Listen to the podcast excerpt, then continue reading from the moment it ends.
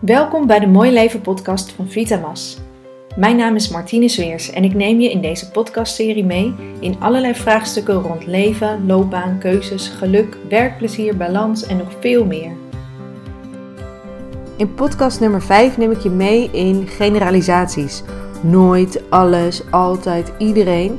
Dat soort woorden, als je die gebruikt, luister dan vooral naar deze podcast.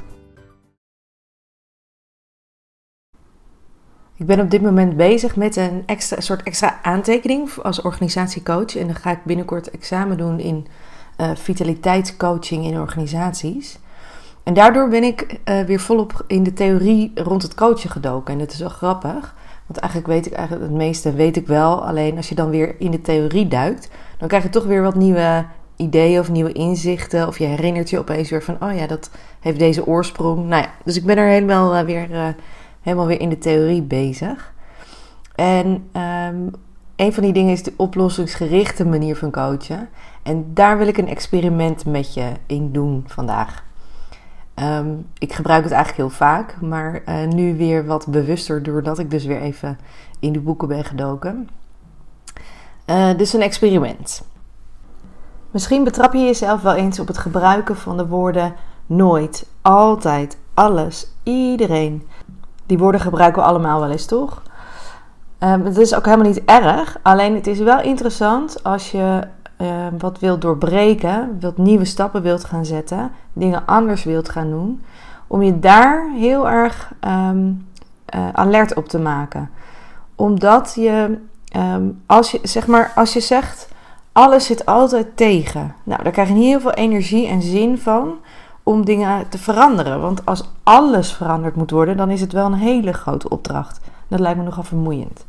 Dus dat is een hele grote drempel om dan ook echt iets anders te gaan doen. Dus dat is wel een interessante om bij jezelf na te gaan van gebruik ik die woorden wel eens. En iedereen gebruikt ze natuurlijk wel eens, dus ook een generalisatie.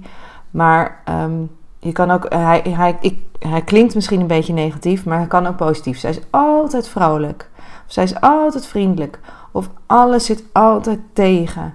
Dingen gaan nooit eens zoals ik wil. Of die vent die snapt het ook nooit. Nou, allemaal dat soort woorden. Nou, die zullen we allemaal wel eens een keer gebruiken. Maar dat zijn dus precies juist de generalisaties waar je jezelf een beetje op wil gaan betrappen. Uh, vooral als je dus een nieuwe stap wil gaan zetten. Dus dat is het experiment van vandaag. Want het goede nieuws is dat je, um, nou ja, heel waarschijnlijk gewoon geen gelijk hebt als je die woorden gebruikt, als je die zinnen zegt. Want het zit, misschien voelt het soms alsof het altijd allemaal tegen zit. Maar dat is natuurlijk niet zo. Ik uh, geef een voorbeeld. Ik ben wel een uh, notoire uh, laatkomer. En dan, ik zeg altijd ik ben precies pas. maar dat is natuurlijk soms ook wel net even een paar minuutjes later dan gepland. Dus dat is voor de ander natuurlijk niet altijd heel fijn. En ik heb mijn leven wel aardig wat verbeterd hierin. Maar het blijft wel een dingetje. Maar ik had, op een gegeven moment had ik wel echt het idee, ik mis ook altijd de trein. Nou ja, dat, zo'n soort idee hebben we allemaal wel ergens over. Uh, maar ik zat heel erg vast in dat idee. Ik mis altijd de trein. Oké, en dat is natuurlijk echt super irritant als je het idee hebt dat je altijd de trein mist. Want wat gebeurt er dan? Is dat je eigenlijk al bij voorbaat, nog voordat je de deur uit moet gaan, al denkt: Nou, ik zal hem wel weer missen. En dan haal je natuurlijk die trein ook niet. Want ja, dan geef je eigenlijk ook al op om je best te doen om die trein te halen. Dus dat werkt ook nog eens uh, ja, de verkeerde kant op. Dus um, dit voorbeeld even om het experiment met je te doen. Neem eens voor jezelf een eigen voorbeeld in gedachten, zodat je de stappen die ik je geef, dat je die met je eigen voorbeeld door kan lopen en, en de vraag kan beantwoorden voor jezelf. Um, want als je dat voorbeeld neemt, ik mis altijd de trein. Nou, dat is nogal irritant. Dan is mijn vraag: heb je nog nooit een trein op tijd gehaald? Dus die vraag kan je ook aan jezelf stellen. Bijvoorbeeld als jouw uh, zin is: uh, de buurman is altijd irritant. Ik noem maar wat. Um, stel jezelf dan de vraag: is de buurman nog nooit vriendelijk geweest? Of is hij altijd irritant geweest? Of is hij ook wel eens neutraal geweest? Of is hij ook wel eens nou, niks. Hij was er, maar hij deed niks. Dus um, ja, daag je eigen altijd, uh, daag die eens uit voor jezelf. Uh, nou, en ik had natuurlijk heus wel eens de trein op tijd gehaald. Eigenlijk best wel vaak. Alleen het voelde alsof ik hem altijd miste. Maar goed, het is dus interessant, want ik zeg wel, ik mis altijd de trein. Maar ik haal hem dus eigenlijk ook best wel vaak.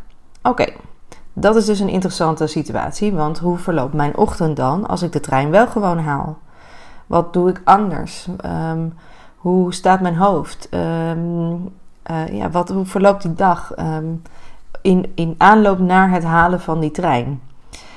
En uh, zijn er dingen in die ochtend die ik dan kan doen, die ik kan kopiëren naar dagen waarvan ik de trein niet ben gaan halen? En hoe ziet dat er dan uit? En het is ook nog altijd een goede vraag van vind je het eigenlijk de situatie, vind je die uh, vervelend genoeg om er iets aan te doen?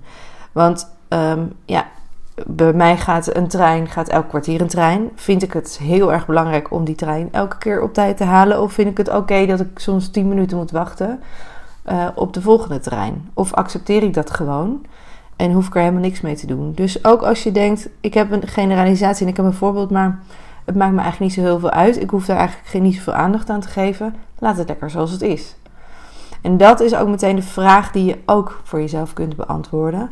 Op een schaal van 1 tot 10, waar zit je nu? Nou, als ik het bijvoorbeeld uh, heb over het halen van de trein. Ik zit op een, nou, bijvoorbeeld op een 6. Ik, ik heb nu een auto, dus ik uh, mis niet zo vaak meer mijn trein. Um, dat is ook nog een leuke om een hele andere oplossing te vinden. Maar goed, dat is voor een andere dag. Maar zeg dat ik nu op een 6 zit. Nou, dat is eigenlijk best wel mooi, want het is dus al gewoon een voldoende. Dus dat is al een positieve. En dan is de volgende vraag dus: wil je dat het een ander cijfer wordt? Of ben je oké met dit cijfer? Nou, ik zou zeggen, ik zou wel liever naar een 8 willen, bijvoorbeeld. Het hoeft geen 10 te zijn. Ik vind het niet erg als het nog een keer misgaat. Maar ik zou het wel leuk vinden om wat vaker die trein te halen. Oké, hoe ziet die achter dan uit?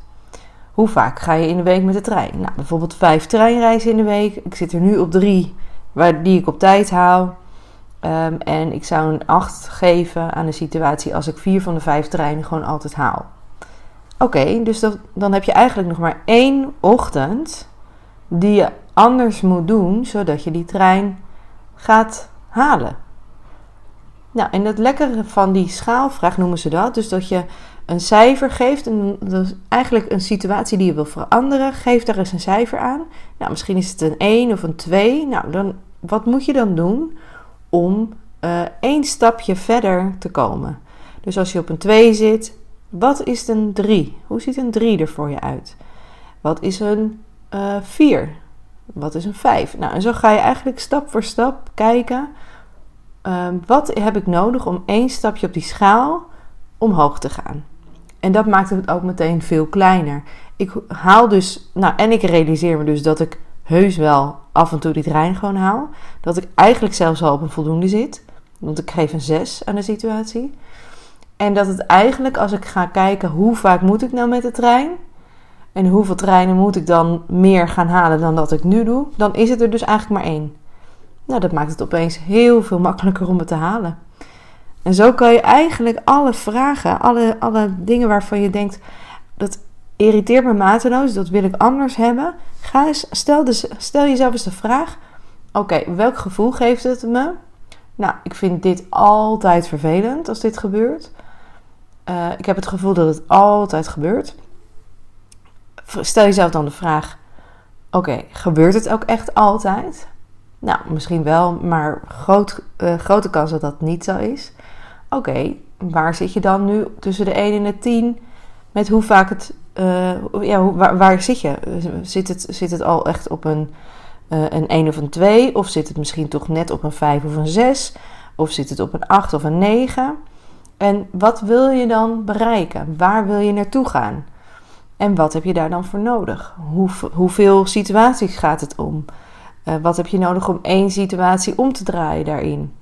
Op die manier kan je heel erg makkelijk een, een wens of een, een irritatie omzetten naar een klein haalbaar doel. Dus dat is eigenlijk een heel belangrijk middel in, nou ja, wat ik dus noemde, dat oplossingsgerichte coachen. Maar dus dat is eigenlijk voor jezelf heel concreet een tool om dingen aan te pakken, dingen anders te gaan doen. Dus stel jezelf die schaalvraag: waar zit je nu? Waar wil je naartoe? Wil je een hoger cijfer en welk cijfer dan? En uh, probeer hierin heel reëel te zijn. Misschien wil je uiteindelijk wel die 10, maar als je op een 1 of een 2 begint, ga dan eerst één of twee stapjes hoger. Dus wat zou dan een 3 of een 4? Hoe zou die eruit zien? En ga, verwacht niet dat je in één keer van een 1 naar die 10 gaat, want dan hou je dus ook nog heel erg het gevoel dat gaat me nooit lukken. En dan zit je weer in die generalisaties. Als, het, als je het gevoel hebt, het is veel te groot, het gaat me nooit lukken, dan uh, maak het kleiner. Maak het kleiner. Dat is het belangrijkste. Dus eigenlijk zijn dat de hele simpele uh, vragen die je jezelf stelt. Geef een cijfer aan jezelf. Welk cijfer wil je gaan halen? En ga daar eens mee experimenteren. Hoe zou dat eruit zien? Maak het zo concreet mogelijk. Dus neem het concrete voorbeeld van die trein halen. Maak het zo concreet mogelijk. Oké, hoeveel treinreis heb je in de week? Hoeveel haal je er nu?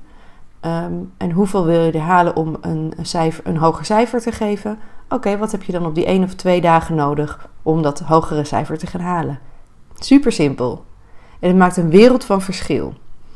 En uh, wat het gevoel wat me altijd, uh, ook altijd wel uh, bekruipt is, dan denk ik, oh ja, wat is het eigenlijk simpel. Alleen je moet het wel even horen en even weten. En ik, ik grap ook altijd dat mijn leven als coach het meest simpele is wat je um, maar kan doen. Um, je hoeft alleen maar even te weten welke vragen je jezelf moet stellen. Of in mijn geval dan als coach welke vraag ik aan de ander kan stellen. Maar dit kan je dus ook heel goed met jezelf uh, doen als experiment. Dus ik hoop dat je er wat aan hebt en dat je lekker gaat experimenteren hiermee. En ik zou zeggen, in ieder geval één doel, één stapje hoger brengen. En je zal zien, uh, dat geeft ook meteen weer moed om nog weer andere dingen aan te pakken waar je ook tegenaan hikt. Maak het klein en ga er gewoon lekker mee aan de slag. En wees gewoon vooral nieuwsgierig naar, nou, ik ben benieuwd of ik een stapje verder kan komen. Veel plezier ermee. Dit was alweer podcast nummer 5. Bedankt voor het luisteren. Ik hoop dat je er heel veel aan hebt gehad. En ik hoop je natuurlijk te zien op @vitamasmartine op Instagram. En volg me vooral ook even op YouTube. Dat vind ik heel erg leuk. En uh, op Instagram hou ik je op de hoogte van wat er allemaal aankomt aan blogs, vlogs, podcasts enzovoort. En ik ga binnenkort op reis. En dan neem ik je ook graag mee. Dus uh, zoek me even op, Vitamasmartine. En dan zie ik je daar. Tot de volgende keer.